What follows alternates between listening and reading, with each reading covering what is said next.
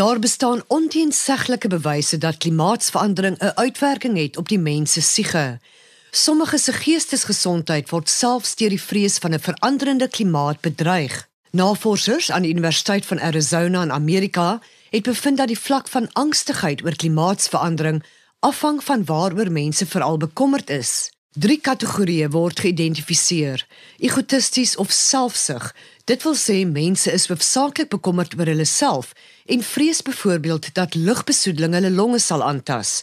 Twee altruïsties, dis besorgdheid oor die mensdom in die algemeen as ook toekomstige generasies. En derdens biosferis, besorgdheid oor hoe diere en plante geraak word. Om meer lig op die saak te werp, kuier 'n senior dosent in die departement psigiatrie en geestesgesondheid van die Universiteit Kaapstad by ons.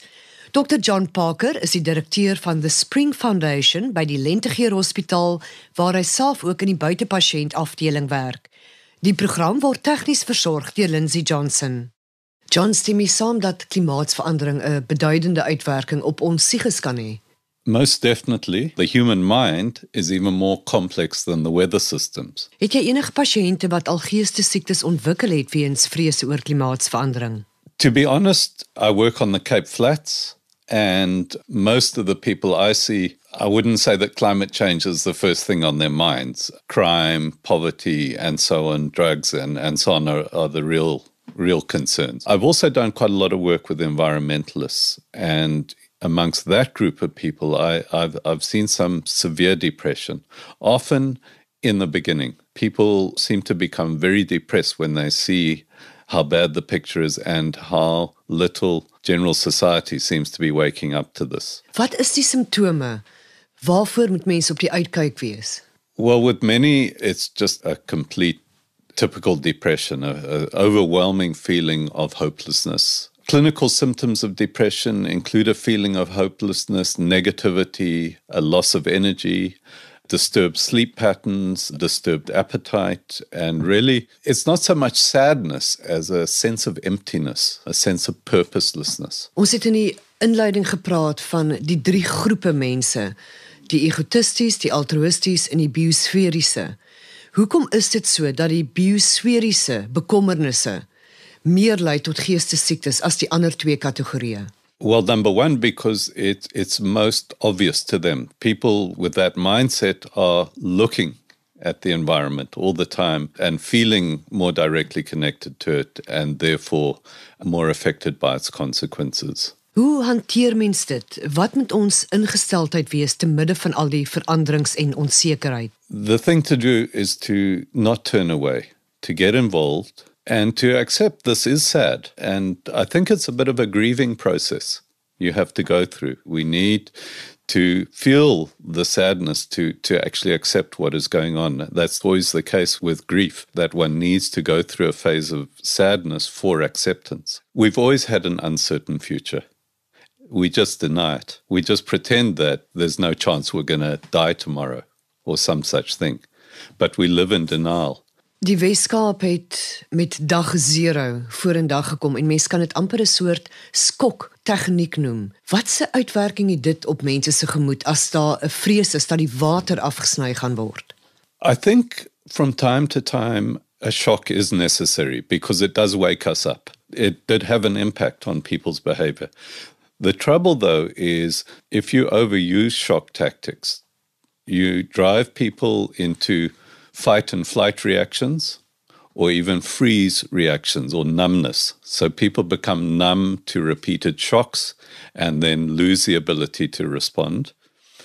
Or they, they get driven into fight and flight reactions, which activate very primitive, in evolutionary terms, primitive systems in our brains that I don't think help because they, they make us become very individualistic, very alone, and very almost aggressive towards others because we start seeing everything in very black and white ways. You know, it's fight or flight. When you're in fight and flight, there's no in between. In plaas daarvan dat mens ondersteuning soek en betrokke raak. Absolutely. So there's quite a lot of work from behavioral um, and social psychology showing that we we basically have two polarities of value systems in our brains. The one can be classed as, as what are known as an extrinsic value system. So, this is things like materialistic values, social status, social power. And the other value system is known as the intrinsic value system, is about things like personal growth, a sense of community, a sense of unity and affiliation, and so on. And we need people to, to move towards that value system, which incidentally seems to be associated with much more advanced areas of the frontal lobe of the brain, more advanced mammalian systems of behavior that are about unity, about togetherness in the same way as as we have the capacity to see ourselves unified with other human beings, we can see ourselves unified as part of the environment and part of the planet. It's very hard to access those systems if you are in a state of fight and flight under stress. And yes, we do need to wake people up, but if we continually bombard them with frightening information, this causes a withdrawal again, which isn't helpful. Inwoners van veral die Wes-Oos en Noord-Kaap gaan al lank gebuk onder 'n droogte met waterbeperkings wat al deel van ons lewe geword het. Hoe beïnvloed dit ons psiges? Gaan lê dit eers in ons onderbewuste en ons besef dit nie eers nie.